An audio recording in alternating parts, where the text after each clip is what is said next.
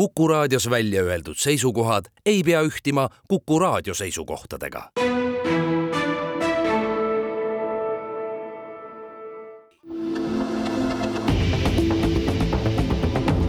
kahevahel.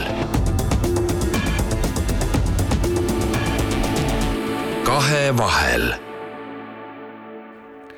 iga reedene vestlussaade Kahe vahel alustab ja täna on Kuku raadio otsestuudios ajakirjanike Timo Tarve ja Ainar Ruussaare vahel Riigikogu aseesimees ja Keskerakonna juhatuse liige Jüri Ratas, tere! tere päevast, head Kuku raadio kuulajad, aitäh kutsumast! meenutame kuulajatele lühidalt, et Jüri Ratas on olnud pikki aastaid Eesti poliitika tipus, mänginud selle kõrgliigas, olnud Tallinna linnapea, juhtinud Riigikogu ja Keskerakonda, olnud peaminister täna on Ratas siis parlamendi aseesimees, Keskfraktsiooni juhatuse liige ja veel kord tere tulemast! Jüri, riigikogu juhatus istus eile poolteist tundi koos, arutamaks Riigikogu liikmete kütusekaartide ja muude kuluhüvitistega seonduvad probleemseid küsimusi ja kui uskuda nüüd ajalehti, oli arutelu tulemuseks see, et asja tuleb arutada. milles asi, kas Riigikogu juhatus on kaotanud nüüd otsustusvõime? see pole esimene kord, kui juhatus jääb eriarvamustele tuleb ajakirjandust uskuda ajalehti, et äh, selle arutelu tulemus oli suur ümar null. miks ta null oli, sellepärast et äh, kõigepealt, äh, kui rääkida kuluhüvitistest, see põhimõte on ju väga lihtne. see on maksumaksja raha, seda tuleb kasutada säästlikult, seda tuleb kasutada läbipaistvalt ja seda tuleb kasutada oma tööga, mis on selle Riigikogu liikme tööga seotud. nii, sellega on olnud probleeme, on olnud probleeme, igas koosseisus on mõningaid juhtumeid ja ma ei taha siin midagi, mingi ennustaja olla, ju see kahjuks ka nii jääb, ju see kahjuks ka nii jääb.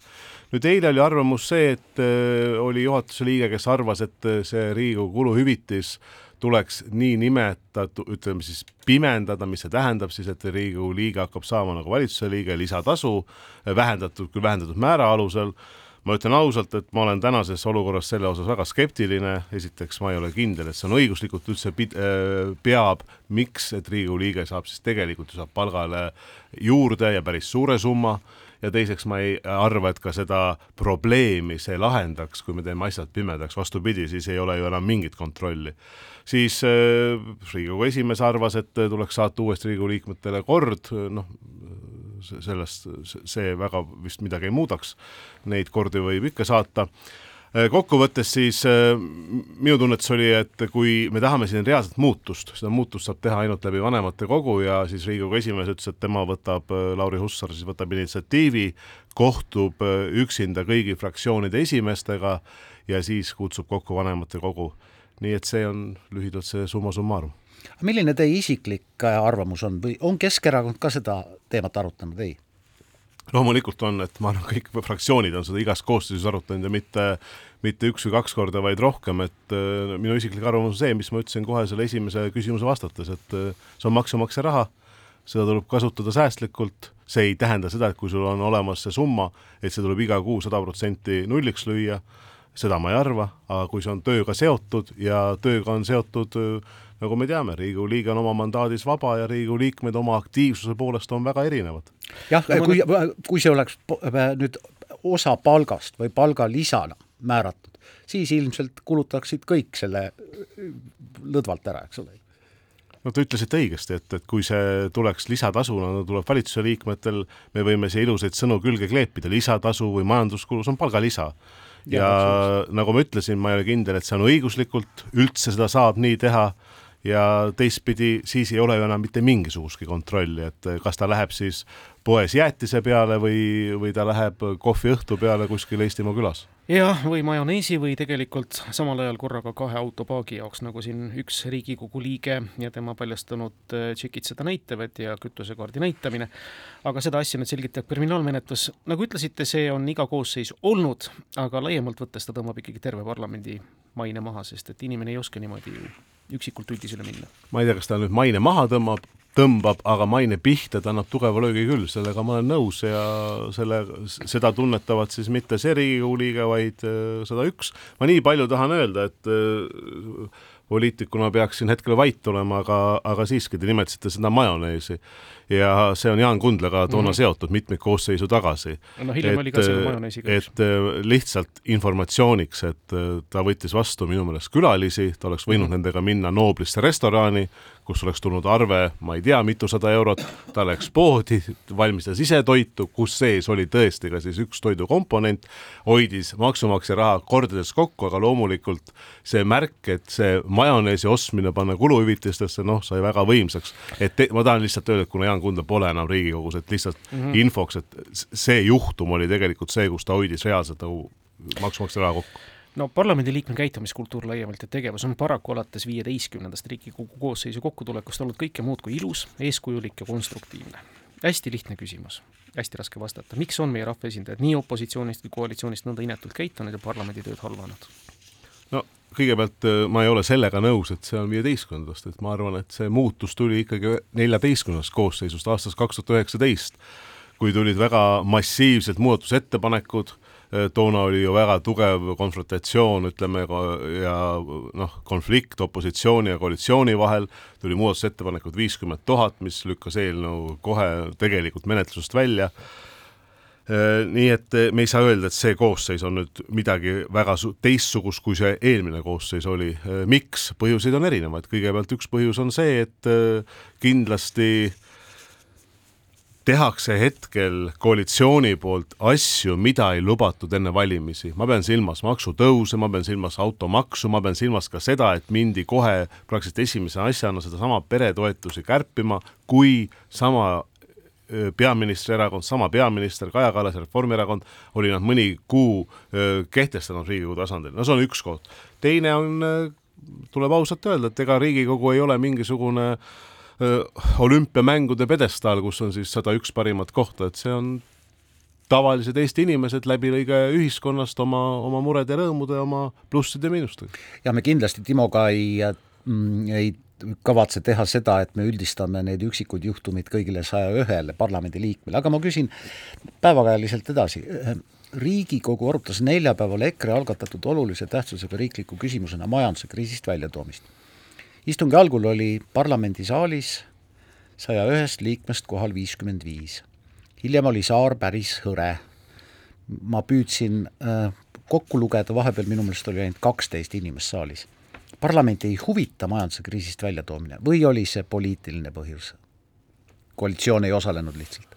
õigustatud küsimus ja vastus äh, on kindlasti see, et koalitsiooni see ei huvita väga, mida opositsiooni kaksteist Riigikogu liiget mida, saalis, noh mida opositsioonierakonnad arutavad ühelt poolt, teiselt poolt see oluliselt tähtis riiklik küsimus, mis on tulnud mõned koosseisud tagasi Riigikogu nagu päevakorda, et Kuku raadio kuulaja kindlasti seda teab, aga ma kordan korra üle, seal lõpus mingit otsust vastu ei võeta, aga mis ei tähenda, et tegelikult just kui me, kui me täna saaksime siia saatesse tuua, ütleme, Riigikogu Kantselei ametnikud, kes alustasid, ütleme, üheksakümne teisel aastal, siis ma usun, et nad ütleksid umbes sellist, et läbirääkimiste voor, et debattide voor oligi tegelikult Riigikogus kõige olulisem koht. Et, et sealt peaksid need ideed sündima, mida siis juhtivkomisjonid võtavad ja mida hakatakse menetlema ja tegema paremaks, ma ei tea, majanduses, kultuuris, sotsiaalses valdkonnas või hariduses ja, ja teiselt poolt äh, kindlasti see, et, et see OTRK on mingil määral ka devalveerunud, et äh, et nagu ma ütlen, otsus seal ei sünni, kui opositsioon algatab, siis äh, mis see koalitsioon seal teeb aga ei olnud ka kõiki opositsioonierakondasid, te ütlesite kaksteist, mis tähendab, et seal Lugesin, olidki proovisin kokku lugeda. kuna ma juhatasin seda istungit kümnest kaheteistkümneni, siis jah, teil on õigus, et vahepeal oli seal väga vähe saadikuid, võib-olla oli seekord ka põhjus selles, et eh, sektorist oli ainult üks inimene, ta tõesti pida, pidas väga hea ettekande, jutt oli siis puidutööstusest ja ütles üldse sellest, kuidas me puitu suudame väärindada. Ja kaks järgnevat ettekannet olid tegelikult poliitikud EKRE enda fraktsioonist, Martin Helme ja Rain Epler, et võib-olla oli ka see see põhjus, miks öelda, et noh, et me oleme kõik poliitikud, et parem on siia kutsuda tõesti siis oma valdkonna spetsialist ettevõtjaid ja kelleks kindlasti esimene ettekandja oli Jüri, teie kogemus algab ju Riigikogust, ei oskaks isegi öelda teile pea vaadates juba aastast kaks tuhat seitse. Te olete praegu Riigikogus nii-öelda viiendat lendu, kui nüüd peaministri kogemus välja arvata. palun julgelt hinnata, kas tegemist on töövõimeliselt kõige halvema koosseisuga, kes sellest ajast on Toompeal töötanud? no selle libeda, libedale jääle ma ei lähe ja, ja sellele liistule te mind ei tõmba, et, et ei, ma, ma kindlasti seda ei ütle, et iga Riigikogu on, on olnud oma nägu ma mäletan ja tõesti tervitan siin Liina Tõnissoni, ma mäletan, kui ta ühel hetkel lahkus Riigikogust, ta pidas vabas mikrofonis kõne ja ütles, et tema mäletab neid kuldseid debatte ja tõsiseid debatte, mis Riigikogus oli ja nüüd, nüüd neid enam ei ole ja nii edasi. No ma ei ole ka sellega nõus, iga Riigikogu on selle aja momentumi nägu, poliitiline kultuur võiks olla alati kõrgem, te küsite, kas see on kõige, ma ei tea, nagu madalam või, või kõige halvem või kõige lamedam ei, ma seda ei ütle, me peame nagu arvestama ka sellega, mis kolm aastat on olnud. Eestis, maailmas, koroonaviirus, agressor on alustanud teemahulist sõda Ukrainas, väga rasked teemad ka, nii et eh, ma siin Kuku raadio stuudios kuidagi ei saa öelda, et, et nüüd on kõige hullem ja, ja vot eile oli suurepärane. jah, ja meenutan kuulajatele, et valimisaktiivsus oli noh, selline tavapärane Eesti keskmine, et ei olnud väga laes, aga ei olnud ka väga maha kukkunud, teeme siin väikese pausi kahevahel. kahevahel. saade Kahevahel täna, muide oktoobri viimane, me ja need me oleme Ainar Ruussaar ja Timo Tarve, võõrustame täna head Riigikogu aseesimeest ja Keskerakonna juhatuse liiget Jüri Ratast. härra Ratas, väga isiklik küsimus, aga ma arvan, et te peate sellele vastama kuidas te oma hea kasvatuse pinnalt Riigikogu istungit juhatades või, või kõnepuldis olles ennast tunnete, kui keegi esitab küsimuse, mida mina Eesti filoloogina tõlgendan kui vulgaarset või kui keegi magab näiteks Riigikogu istungi ajal. kirjeldage, mida te tunnete? nagu sõiduauto juht, et sina vastutad, kas auto läheb kraavi või on tee peal ja see on tegelikult selle Riigikogu istungi juhataja, ma arvan, üks kõige, kui me räägime ainult istungist, niisugusest tehnilisest küsimusest, et kõige olulisem, et Riigikogu saalis oleks töövõimeline õhkkond, oleks lugu peetud või au, austust vääriv õhkkond oma ametikaaslaste, valitsuse osas. Ja mis kõige tähtsam, ma olen päris sageli ise seda mõelnud, aga olen öelnud ka ametikaaslastele, et see ei ole ainult Riigikogu kõnetool, vaid see on ükskõik mis koht Riigikogus. see ei ole kunagi kahekõne selle Riigikogu liikme ja teise Riigikogu liikme või Riigikogu liikme ja valitsusliikme vahel. et sa pead arvestama sellega, et see on alati nagu kahekõne Eesti inimesega, Eesti inimestega. räägime erakonna asju ka on näha, et see viimased poolteist kuud, mis on möödunud, on teile värvi näkku tagasi toonud, Jüri, päriselt ka. Te ei ole enam erakonna esimees, kongressist on nüüd see aeg möödas. paras aeg, et emotsioone lahustatuks lugeda, ega te nüüd seda otsust ei kahetse, mis te juba siis tegelikult suve keskel langetasite, et teie enam seda erakonda ei juhi? ei kahetse. Te seadsite ennast üsna ruttu Tanel Kiige selja taha. oli teil reaalne usk ja millelgi rajanev lootus, et Tanel võidab need valimised Kõlvarti vastu? kongressil oli häälte vahe lõpuks ikkagi päris märgatav et kui tsiteerida nüüd seda teie küsimust, siis et oli usk, oli lootus ja oli ka armastus, aga, aga kongress näitas teist tulemust ja kongressi valis esimeheks Mihhail Kõlvarti. Mihhail Kõlvart on korduvalt kutsunud üles rahunemisele, tiibade ühinemisele, koos jätkamisele, aga kas ta kõneleb tühjale saalile? Või mitte, tal on ikka toetajaid ilmselt. temasse on uskujaid ja kindlasti me ei saa seda ju öelda, et tegemist on viimastel valimistel väga suurte, väga, väga suure häältesaagiga poliitikuga, et äh, kindlasti on temasse, temasse uskujaid, aga aga ma mõtlesin selle küsimuse e-, esimesele poolele, et rahule ja koostoimele ja mida te kõik ütlesite, ma küsin, et kas seda siis ei olnud, see kõik ju tegelikult oli et kui soovitakse tulla erakonna seest võimule, see on arusaadav, siis on ju eesmärk midagi teha teistmoodi, midagi parandada, erakonda viia uute ideedega, värskendada mõtteid, tõsta toetust, tulla välja opositsioonist, jõuda koalitsiooni, ei tohi kukkuda isolatsiooni, et noh, ma arvan, need on need teljed et erakond ei kaotaks liikmeid, et me ei kaotaks oma heas mõttes noh, erakonna vapiloomasid, kahjuks see pigem on läinud teistpidi.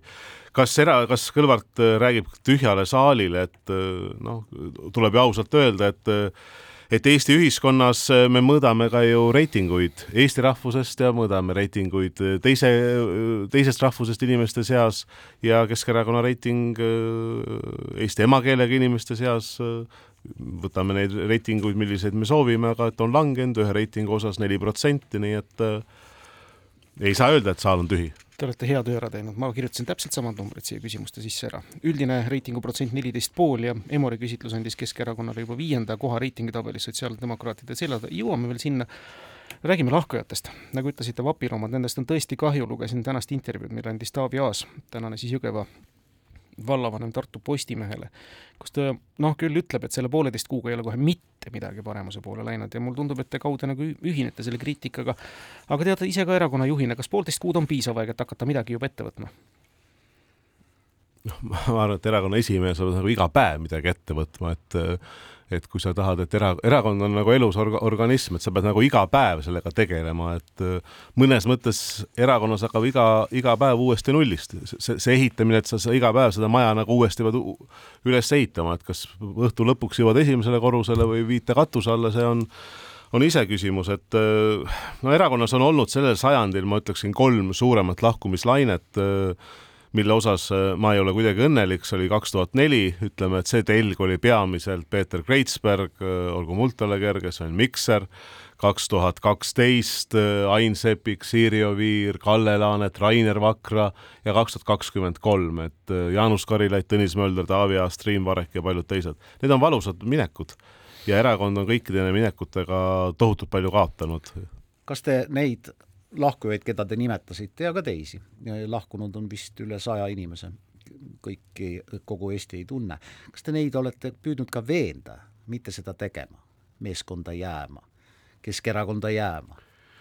ja muidugi ma olen ju kõigi nendega rääkinud, et äh, Taavi Aas tuli Tallinna abilinnapeaks, see aasta oli kaks tuhat viis, kui me teineteist äh, nägime vist esmakordselt äh, ja ma ütleks, et sellest koos käidud töö mehe tee, teest Taaviga on saanud ikkagi väga tugev ka, ka sõprus, austus, lugupidamine, kamraadlus ja, ja paljudega teistega, et muidugi ma olen rääkinud inimestega ja kui inimene vaatab mulle otsa, keda ma tunnen kakskümmend aastat, ütleb, Jüri, ma ei usu. ma ei usu sellest homsesse päeva. et ma ei usu, et me suudame selle laevaga sõita sadamasse või jääda püsti tormisel merel, siis mul on nagu väga raske öelda, et kuule, ei, tegelikult ikka jääme. mina olen täna Keskerakonnas, ma ei ole siit kuhugi läinud. jah, kakskümmend kolm aastat on, on väga pikk aeg olla ühes erakonnas ja seda ust sulgeda emotsionaalselt üli, ülikeeruline. aga Jüri, teate, ma vahendan teile üsna äsja kuuldud, tegelikult üsna õela kuulujutu see on see, et Isamaa on teile pakkunud tulevastel Euroopa Parlamendi valimistel esinumbri kohta, juhul kui te erakonda vahetate. olete ka seda kuulnud? ei, ma ei ole seda kuulnud ja, või seda kuulujuttu ma olen väga paljusid kuulnud, aga noh, see jutt ei vasta tõele, et neid kuulujutte on äh, nii palju, ma arvan, poliitikas, et et noh, nendel ei ole alust, ka sellel jutul nagu ei ole alust. ja Yana Toom, teie erakonnakaaslane, on ka öelnud, et ta äh, on valmis loovutama Euroopa Parlamendi esinumbri koha teile. teate, ühte ma ütlen küll, et Yana Toom küll mulle mingit kohta ei paku selles erakonnas. esiteks, ta on siin erakonnas vähem olnud, ta on tõesti täna erakonna aseesimees, ma olen nõus, erakonna juhtkond Mihhail Kõlvart, Jaan Toots, Yana Toom, äh, Lauri Laats ja Jaak Aab, aga kokkuvõttes erakond ikkagi teeb need valikud, on vähemalt tavaliselt teinud kas juhatuse tasandil või volikogu tasandil, aga kui me räägime sellest Euroopa Parlamendi valimistest, siis ma arvan, et eh, jah, mul on sellest erakonnast vast kõige suurem kogemus koos Kadri Simsoniga Euroopa tasemel. Yana Toom ka kindlasti, ta on olnud kahel korral Euroopa Parlamendi saadik, aga selge on see, et, et Euroopa Liidu mõttes, eh, kes võiks siis esindada Keskerakonnast Eestit Euroopa Parlamendis, kogemuse poolest mul, on mul tõesti kõige suurem kogemus, jah Te väga osavalt laveerite söödast, me üritame ikka õngitseda. õngitsege. õngitseme, mis peaks juhtuma? küsimus, kas spinninguga või õngega? Ehm, lendõngega, jah. mis peaks juhtuma Keskerakonnas, et te kaaluksite päris tõsiselt sealt lahkumist ja lahkuksitegi? Need oleksid ju teate ise, head äh, saatejuhid, te olete Eesti poliitikat teate sama hästi kui mina, et need oleksid ei maksa mitte midagi. aga põhimõtteliselt väärtuste küsimus on see, et, et kui, kui see, kui see suund keeratakse ikka täiesti täiesti teise suunda, et noh, ma arvan, see, aga, aga ma ei saa ka eitada seda, et poliitikas ei ole oluline, et nagu ma ütlesin eelnevalt siin mõningate inimeste osas, kes on öelnud, aga ma ei usu seda homset, et, et kuidas me läheme kohalike valimistele vastu, kas Keskerakond läheb oma lipuga vastu või läheb nimekirjades, mis on perspektiiv aastal kaks tuhat kakskümmend seitse ja eks siis ka mina ühel hetkel, kui see, kui see momentum tulen, tuleb, pean lähimate, ütleme, võitluskaaslastega nõu pidama, kes on samuti selles erakonnas olnud isegi minust veel kauem. Noh, näiteks Kadri on olnud selles erakonnas, ma arvan, et üheksakümnendate aastate keskpaigast. tehke uus erakond, uus Eesti Keskerakond.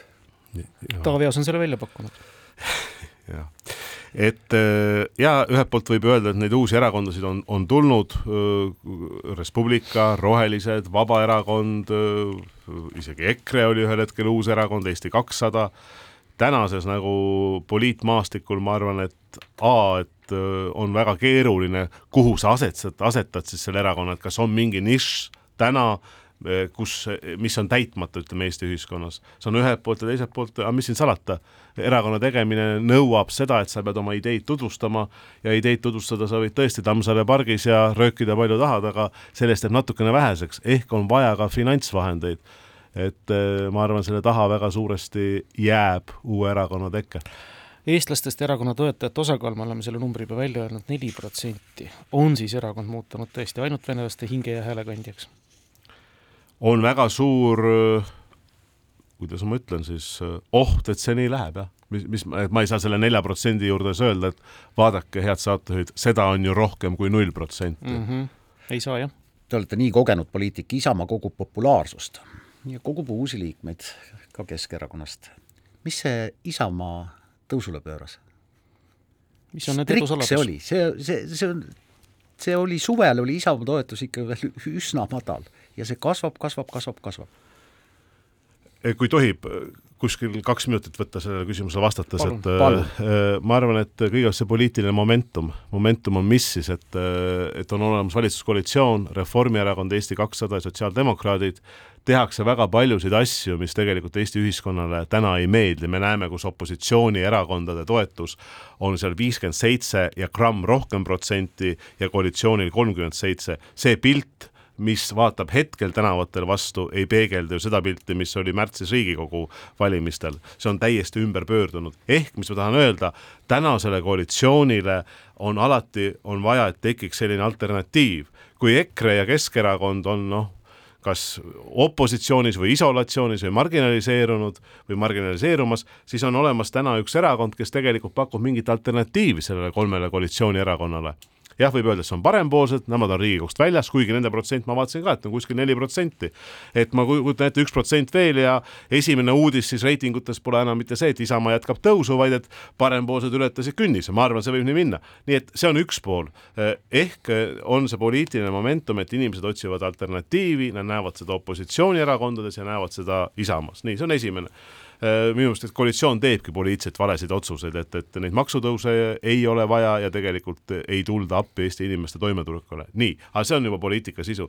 ja, ja teine põhjus on see, et me ei saa üle ega ümber ka inimestest, selge see, et Isamaa tänane esimees Urmas Reinsalu on ülikogenud poliitik Eesti poliitmaastikul, on olnud siin juba eelmisest sajandist, eelmise sajandi lõpust, on kindlasti väga tark, nutikas, aktiivne ja ma arvan, et äh, ja kolmandaks on see, et äh, tõsi, et ka Keskerakonnast on sinna läinud inimesi ja selge on see, et see on Isamaast loonud natukene sellist rohkem niisugust sotsiaalsemat või sotsiaalmajanduslikumat kuvandit, mida neil võib-olla nii palju ei olnud. kas te jagate seda vaadet, mida ütles Taavi Aas jälle juba täna tsiteeritud intervjuus Tartu Postimehele välja, et erakonda ootab tema arvates esmalt munitsipaalmarginaliseerumine, seejärel kadumine? Need on need kaks suurt ohtu, mis on Keskerakonna puhul, üks on see, et ta kõnetab ainult ühte valija, valijagruppi, mis on venekeelne valija, teine on see, et ta jääb tugevaks erakonnaks pealinnas, noh, see on see Taavi Aasa mõte mm, -hmm. eks ju. ja ma, ma ka ütlesin ju sellele, et, et sellele annab kõige parema vastuse kahe tuhande kahekümne viienda aasta kohalikud valimised, et palju siis Keskerakond oma nagu lippe ja oma nimekirju üle Eestimaa välja saab, et kui tugevad me oleme piltlikult öeldes Hiiumaal või kui tugevad me oleme Haapsalus või kui tugevad me oleme Rakveres või Viljandis või Põlvas, eks eks, et, et see on see küsimus aga kas te praegu, mina mälu järgi ei suuda meenutada, lisaks Tallinnale, kus on veel Keskerakonna nii-öelda kantsid täna? Narva. et kui te küsite, kus on Keskerakond koalitsioonis, kui tohib laiendada. Keskerakond võimul ja kus on Keskerakond, tunneb ennast tugevalt? noh, hetkel kindlasti ma saan öelda, et see on Põlva, kus on meil äh, volikogu esimees Georg Pelisaar, äh, ma kindlasti ütlen Narva, mis siin, mis siin juba öeldi, noh, äh, Tallinn Maardu, Jõgeva kus on täna palju mhm. küsitud äh, Taavi Aas, aga jah, vabandust, nüüd eksisin mina ju. Taavi Aas pole Keskerakonna liige enam, nii et äh, ma, aga Keskerakond on tõesti seal täna ikkagi nagu erakond, erakonna mõttes koalitsioonis. Äh, Läänemaal oleme me läinud, Hiiumaal samuti, Saaremaal me oleme koalitsioonis nii et ega neid väga palju neid, neid kohti ei ole, no kus me oleme, on kindlasti Mulgi vald, kus on meie, meie vallavanem, mis, mis näitab meie tugevust. Nii et noh, Sillamäel need on võib-olla mõningad kohad nii hoobilt, hoobilt panna. Ah,, kindlasti, vabandust, kuidas ma selle unustasin, Järva vallas. Ja üks koht veel, Tapa, seal ju tuli ka hiljuti võimupööre ja Keskerakond oli siis üks osalistest, kes koalitsioonileppele alla kirjutas. aga sellega praegu läheme väikesele pausile ja siis räägime juba päevapoliitikast. kahevahel kahevahel. Timo Tarve, Ainar Ruussaar jätkamas igareedese vestlussaatega ja meie vahel Kuku raadio stuudios on Riigikogu aseesimees ja Keskerakonna juhatuse liige Jüri Ratas. Jüri, riigieelarve on läbinud parlamendis esimese lugemise, opositsioon on selle maatasa teinud, tasakaalu poole püüdlev eelarve on tõstmas makse, samas hoidmas kinni noh, olulisi palgatõuse, mis veel selles riigieelarves on valesti?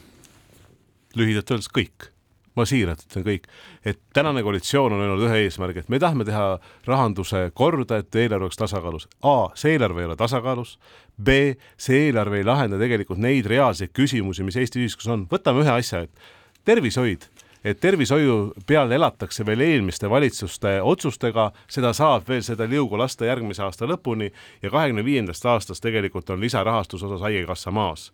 ja, ja kolmandaks, mis ma tahan öelda, et mida nagu, kus Kaja Kallas mind kritiseeris kogu aeg, nüüd ta teeb seda, ma arvan, kuubis seda asja, et ta on nüüd leiutanud uue asja, et hakkame otsima kaasavat maksustamist, et head inimesed, öelge, et kuidas täita makse ühelt poolt ja teiselt poolt, et kuidas võtta kolmelt ministeeriumilt, kus sees on ka Sotsiaalministeerium, teha kokkuhoiukohti, et kuskohast teha Sotsiaalministeeriumis kokkuhoiukohti, kas pensionist, kas toimetulekust, kas vanemahüvitisest, rohkem sealt väga kuskilt võtta ei ole. No jaa, aga härra Ratas, me peame ikkagi eelarve tasakaalu saama, me peame püüdlema selle poole, et meie majandus hakkaks kasvama me peame püüdlema selle poole, et, et Eesti ettevõtted saaksid taas eksportida, noh, lihtne on öelda, et vaadake, mis Soomes ja Rootsis toimub, ongi raske eksportida.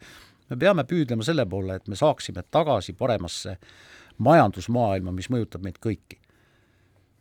selle, selle, selle võimaluseks on maksutõus, selle võimaluseks on noh, ma ei tea midagi, kokkuhoid, kärped mm, -hmm et noh, kuna see saade on selline hea tulistamine ja rütm ja ma ütlen seda hästi, siis ma ütleks lühidalt, et et alus on see, et me oleme kaheksateist kuud kukkunud, et me oleme kuus kvartalit kukkunud majanduses ja see on suur probleem.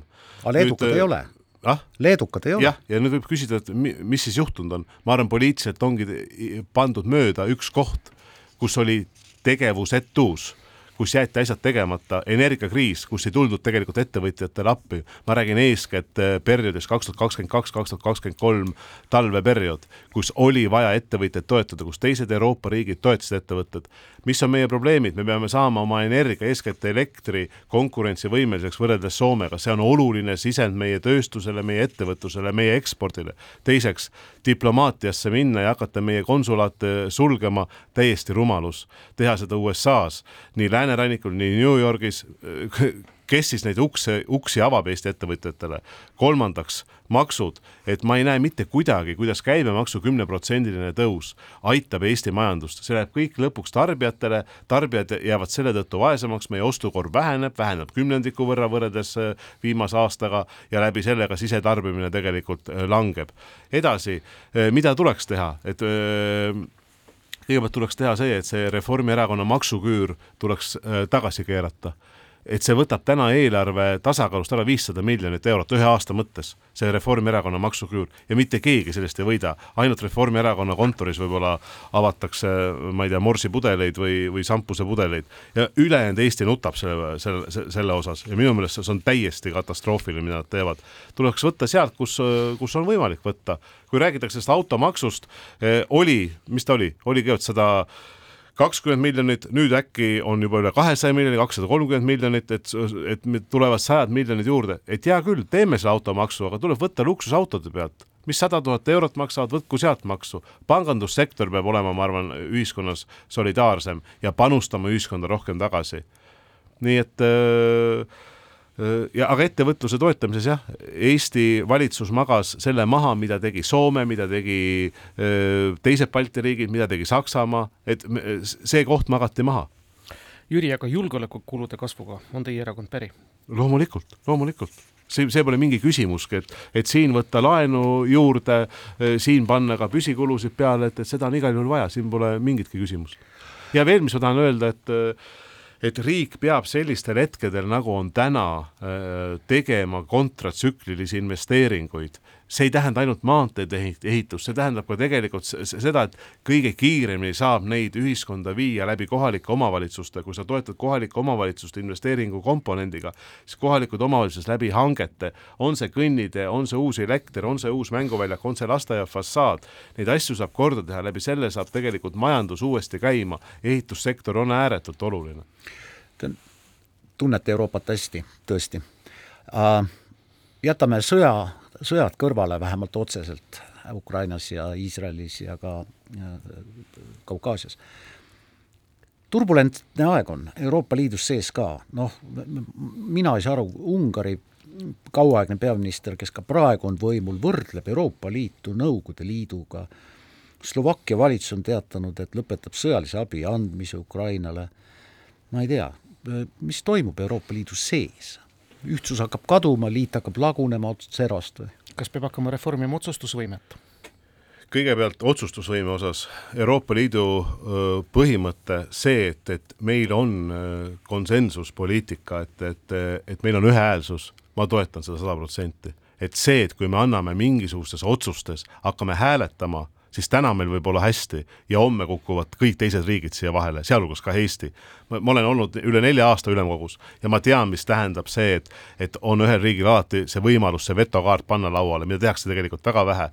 ma tahan veel kord öelda, et äh, Euroopa Liidu tugevus on need kakskümmend seitse riiki ja täna lükata kedagi siit välja, sellist maailma ei ole olemas. me võime siin Kuku raadios seda rääkida, et Orbani me lükkame välja, Fico me lükkame Slovakkia välja see, see nii ei toimi, need, need, on jätkuvalt, Slovakkia on demokraatlik riik. Ja me peame arvestama selle kahekümne seitsme riigiga. mis on olnud Euroopa Liidu ju alusmõte, on olnud alusmõte see, et hoida rahu, aga teiselt poolt on Euroopa Liidu, ta on toiminud ainult läbi selle, et, et peetakse poliitilist debatti, peetakse poliitilist debatti, peetakse poliitilist debatti. Ja siis tuleb otsus ja siis tuleb otsus. Ja see on olnudki minu meelest Euroopa Liidu tugevus. ma ei ole kindlasti seda meelt, mida teeb täna Orban, eh, ma, mida teeb Fico, ma eile ka kirjutasin sellest oma sotsiaalmeedias, see on täiesti katastroofiline, aga me ei saa lükata Slovakkiat välja. Eh, sellist maailma selle kahekümne seitsme riigi osas ei ole olemas. ja kui me arvame, et see on ainult Ungari, ainult Slovakkia, siis mina väidan oma kogemuse pealt, see nii ei ole. Ma arvan, et kui see läheb selliseks küsimuseks, et piltlikult öeldes, kas me lükkame need eh, mehed antud juhul sellest laua tagant ära ja riigid, siis siin on palju rohkem riike, kes ütlevad ei, me toetame Ungarit, me toetame Slovakkiat ja me peame arvestama, et me sellises liidus olemegi. Lähme siinkohal väikesele reklaamipausile ja siis jätkame saadet kahe vahel. kahevahel. kahevahel saade Kahe vahel, täna koos Jüri Ratasega, me oleme viimases veerandis. Väga hoogsalt kulgenud jutuajamisest, täname väga Keskerakonna juhatuse liiget ja Riigikogu aseesimeest. Eh, räägime haridusest ka, ega me sellest eh, üle ega ümber ei saa, kui ma vaatan kõiki neid viimaseid eh, uuringute arve, mida nii koolijuhid kui haridustöötajate organisatsioonid meiega jagavad, kui ma vaatan meeleavaldust või noh, protesti äh, kogunemist äh, eile Toompeal, kui ma loen õpetajate palkade kohta, teate, minu usk eestikeelsele õppele üleminekusse hakkab kahanema, päriselt. ma olin kohutavalt õnnelik, kui see otsus tehti, aga usk, et me seda suudame, hakkab kahanema. kuidas teil on selle usuga? Siis ma mõtlen, et see on nagu ühendatud anuma, anumate efekt, et ma mäletan neid saateid, kus teie usk oli väga suur ja võib-olla minu usk oli palju väiksem ja mina tahan öelda täna, et minu usk on tõusmas, et et meil on seadus vastu võetud ja ma arvan, et see on ainuõige tee, et et me läheme üle eestikeelsele haridusele ja ma ütlen ka raadiokuulajatele, et see ei juhtu homne päev ega ülehomne päev, vaid teekond on paigas, võtab aega kümmekond aastat, aga vähemalt on olemas kindel eesmärk nüüd äh, palgaküsimus on, ma arvan, et üks kõige olulisemaid, äh, kui me täna või eile oli tõesti, ametiühingud olid ju Toompea lossi ja Riigikogu ees, ütlesid, et kui see õpetajate palgatõus jääb üks koma, kui ma ei eksi, seitse protsenti või ütleme alla kahe protsendi, siis tegelikult õpetajate see keskmise palgatasand kukub veel järgmisel aastal viis protsenti, üheksakümne viielt kuskile üheksakümnele protsendile. ja, ja siis me teiselt poolt ütleme, et, et õpetajad, Eesti haridus, PISA, see, PISA testid, tulemused, see kõik on maailma tipus ja see kõik nii on. ja siis me peame seda väärtustama ja nüüd ma tulen tagasi sellesama asja juurde, et mul oleks opositsioonipoliitikuna ju küll kerge öelda, et, et see on vale tee ja ühelt poolt ma ütlengi, see on vale tee, et, et õpetajate palka ei tõsteta.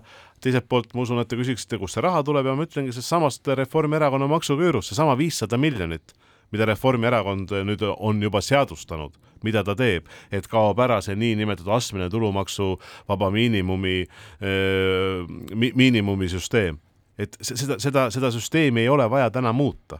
ja sealt saaks selle õpetajate palga teha, väga konkreetne näide.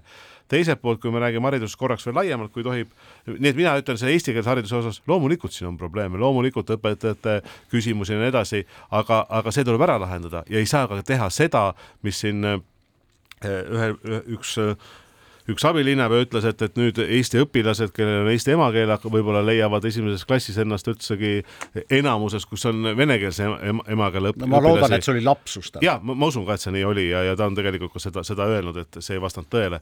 aga, aga ikkagi see, see, see, see süsteemi edasiminek, ma arvan, peab iga aasta olema väga lühidalt öeldes nii, et meil on rohkem nagu eesti keel, keelsetes koolides esimesi klasse ja need, mis on venekeelsed koolid, et seal iga aasta neid esimesi klasse läheb vähemaks, vähemaks ja vähemaks, et ma arvan, et tegelikult see, see üleminek peab olema mõistlik, see ei saa olla üleöö. aga paar asja, üks on see minu meelest, mis ma tahan hariduses välja tuua, et see, et, et äh, nüüd valitsus on töötanud välja süsteemi, et põhi, põhihariduse esimesed kaks astet ehk kuueklassiline kool, et sinna antakse teatud juhtudel, kui klassi suurus, peale lisarahastus. et oleks siis võimalikult kodu lähedal kuueklassilised koolid. mina arvan, et selle taga on väga selles mõttes halb plaan, et omavalitsused üheksanda, üheksaklassilises põhikoolis muudavad ära kuueklassilisele koolile ja järgmine samm on, kaob ära see kuueklassiline kool. me ei ole nii rikkad, et kaotada üheksaklassilisi maa põhikoole tõesti, me ei ole nii rikkad, vastupidi, et sinna peaks andma lisarahastuse, et nad ei läheks kuue klassi peale. et üks väga konkreetne näide Ida-Virumaalt, Toila gümnaasium, no ma, ma ei saa aru, et nii ministeerium, aga eeskätt ka Toila vallavalitsus, et mis, mis nagu seal toimub, et pannakse kinni viiekümne kuue õpilasega, ütleme, on maa ja taeva vahel viiekümne kuue õpilasega Toila gümnaasiumi sulgemine Ida-Virumaal, eestikeelne kool.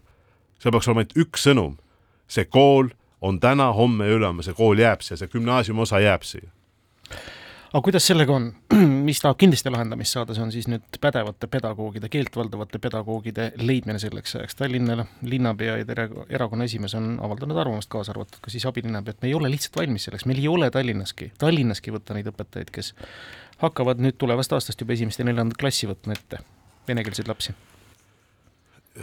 see on keeruline küsimus, aga, aga ma arvan, et eh, kohalikud omavalitsused koostöös riigiga peavad kõik tegema selleks, et olla, olla, olla valmis. Ja see on avaliku, avaliku võimu ülesanne, et kui selline seadus on vastu võetud, siis tuleb pingutada, et selleks valmis olla, mis selleks saab teha?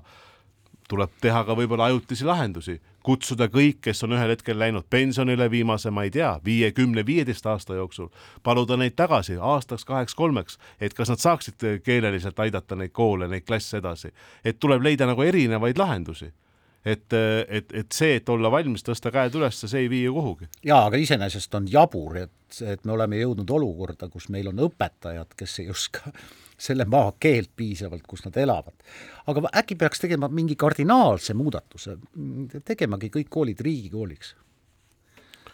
No me tegelikult täna oleme juba ju suuresti sellele süsteemile no, näinud, et gümnaasiumid, gümnaasiumid on juba tegelikult üle Eesti põhimõtteliselt riigigümnaasiumid, on jäänud mõned kohalikud omavalitsused veel, kus on eh, kohalike omavalitsuste gümnaasium, noh, enamuses näiteks, eks ju, Tallinnas, et äh, et tegelikult ja Tallinnas on ka juba kolm riigigümnaasiumi sellel aastal minu teada tegutseb, nii et noh, see, see, mulle tundub, et see haridustasand tasapisi nagu libiseb riiklikule tasandile. nüüd on näited ju, kus riik on võtnud üle ka teatud põhikoole Äh, aga kui küsida nüüd, te küsisite küsimuse, et kas äh, kogu haridustasand peaks olema suure riiklikult, pöörde. suure pöörde, ma arvan, et põhikoolid kindlasti ei peaks olema riiklikul tasandil. et kindlasti see on üks omavalitsuse, ma ütleks nii, põhifunktsioone, et pakkuda haridust ja kui see kui see motivatsioon kohalikul omavalitsusel kaob ja jääb ainult teede puhtaks tegemine lumest, siis, siis tegelikult homne päev sellel omavalitsusel on kadunud. haridus, lapsed ja kool on see tegelikult, mis loob ka ülehomse päeva perspektiivi.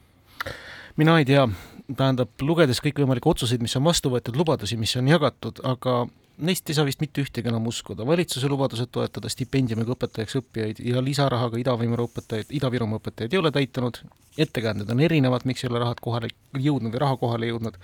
õpetajatel lubatud palgatõusus me ilmselt ka väga kindlad olla ei saa, haridusminister mingi umbmäärase nelja-aastase leppe välja pakkunud. Öelge, keda me üldse usaldada saame? jah, et te küsite nüüd niisuguse küsimuse, et, et siin stuudios peaks keegi maailmatark olema, et seda no, ei oletegi. ole, ei, ma olen lihtne Nõmme poiss Rahumäelt. et äh, aga äh, selles mõttes nagu see kriitika, et äh, ega poliitikute sõnadel ja ma ütleksin ka mittereageerimistel on nagu väga-väga suur kaal ja see vastab ju tõele see vastab tõele sellele sisendil, mida antakse mingisse sektorisse, mida antakse majandusse, mida tehakse või ei tehta. et selles mõttes see poliitika eeskätt koalitsioonis olles ja valitsustasandil olles, et see ei ole nagu mäng, et, et see on tõsiselt nagu vastutus Eesti riigi kestmise eest haridusvaldkonnas, majanduses ja, ja nii edasi, tervishoius. et ja, ja seda saavad luua ikkagi kõige rohkem antud ajas ja ruumis need poliitikud läbi poliitiliste otsuste, kes on võimul.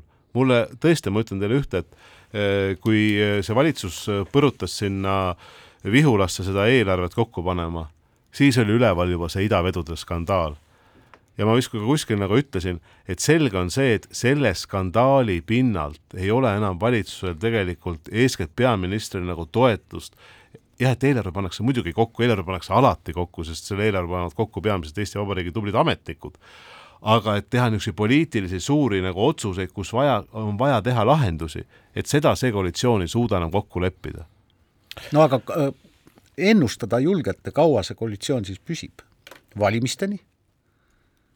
Aga mis see ennustus siin stuudios annab, et äh, ta ei anna nagu mitte midagi, kas huvitav, tänane, kas tänane koalitsioon, kui te küsite, püsib kahekümne seitsmendast Riigikogu valimisteni, siis ei, ei püsi. vot nii, seda oligi vaja teada, meil on mõned kiirkorras küsimused veel. tegelikult mõni asi ka päris tõsine. no esimene kohtuaste mõistis ju teie erakonna ja selle liikmed, teisedki asjaosalised Porto Franco süüasjas õigeks. Te nimetasite seda otsust esimese emotsiooniga šokeerivaks.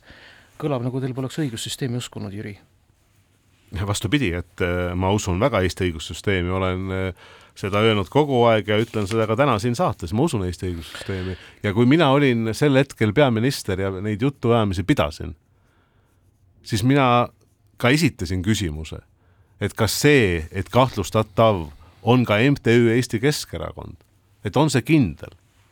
sest minul ei olnud ju neid andmeid, öeldes see on kindel. no jaa, aga seda tuuakse, seda tuuakse ühe põhjusena, miks teie valitsus tagasi astus kaks tuhat kakskümmend üks mitte see ei ole, see on ainus see on põhjus, miks põhjus. ma tagasi astusin. ja, ja ega mida ma nüüd siis teha saan, et no, ma saan, ma jätkuvalt usun Eesti kohtusüsteemi, see ei ole jõustunud. Kohtuotsus, prokuratuur on ju öelnud, et ta kaebab selle edasi. Mm, -hmm. need õiguslikud vaidlused lähevad siis edasi, ju ta lähevad teise astmesse, ju nad lähevad lõpuks Riigikohtuni välja, ma, ma ei tea, kuidas see asi areneb, aga mis on minu huvi, loomulikult ühel hetkel, kui on jõustunud kohtuotsus, eks siis eks siis ütlen ka mina lõplikult selle oma tunnetuse välja, aga äh, ei tasu kaagutada ennem seda, kui ei ole otsused jõustunud. Jüri, te jätkate ülikoolis doktoriõpet ja annate selle raames ka Tallinna Ülikoolis riigiteaduste tudengitele avaliku halduse loenguid. iga loeng on muidugi looming. mida te tudengitele täpsemalt õpetate? ma olen nagu öelnud tudengitele, et äh, kõigepealt ma olen väga tänulik, need, kes on selle aine valinud äh, kohe siiralt ja ma olen siiralt tänulik ka Tallinna Ülikoolile, et mul on võimalus oma doktor, doktoriõpinguid seal jätkata ja tõesti siis väga väikese koormusega anda ühte, ühte, ühte loengut ka, mis on avalik haldus, et äh, olen teinud selle võimalikult praktiliseks, et on inimesed erinevatest avaliku halduse ütleme, tasandites, kes on oma kogemusi rääkinud, mida ma räägin, räägin, kuidas see avalik sektor töötab, mis on need põhimõtted, mis on need seosed kohaliku omavalitsuse, riigi vahel, nii et püüan võib-olla natukene rohkem sellest teoreetilisest baasist tulla, tulla praktika ja iga, igapäevabaasi. Toote igapäevaseid näiteid ka oma poliitilisest karjäärist? ma kujutan ette, kui huvitav see võiks olla neid loengut kuulata. ma, ma võib-olla mingeid näiteid tõesti olen toonud eh, nagu Euroopa tasandilt ja, ja kuidas see, kuidas see Euroopa nagu mingid otsused on, on tegelikult meie Euroopa nagu avalikku ruumi mõjutanud, aga, aga ei, niisuguseid päevapoliitilisi jutte me seal ei pea Jüri, millal on oodata Riigikogu seinale teie portreed? me meenutame kuulajatele, et kõigi Riigikogu esimeeste maalitud portreed on Valge saali esimetlemiseks väljas selle aasta jõulukuul. ahaa, kas see töö on juba siis lõppenud, piltlikult öeldes? seda tööd tehakse hetkel. käite poseerimas? seda on tulnud ette. issand, kui huvitav seda on teada. tõesti? selle aasta jõulukuul. kas te kunstnikuga ütlete meile? Ma, mina ei ole ausalt öeldes temaga lepingut teinud, nii et ma, ma ei tea, mis seal lepingus on kirjas, seda asja saite... ju veab Riigikogu Kantselei, aga saite teda valida vähemasti ise? jaa, aga sain aga ta on teinud ka ühe, ühe eelnevatest Riigikogu esimeestest, nii et äh, ma selle vihje võin anda. ootame siis seda jõulukuud ja väga täname, Jüri, selle avameelse, särtsaka ja toreda siinviibimise eest Kuku raadio stuudios, soovime teile edu, jõudu eesseisvaks kena sügise jätku! jõudu tarvis ja parimat Kuku raadio kuulajatele! Kahevahel. kahevahel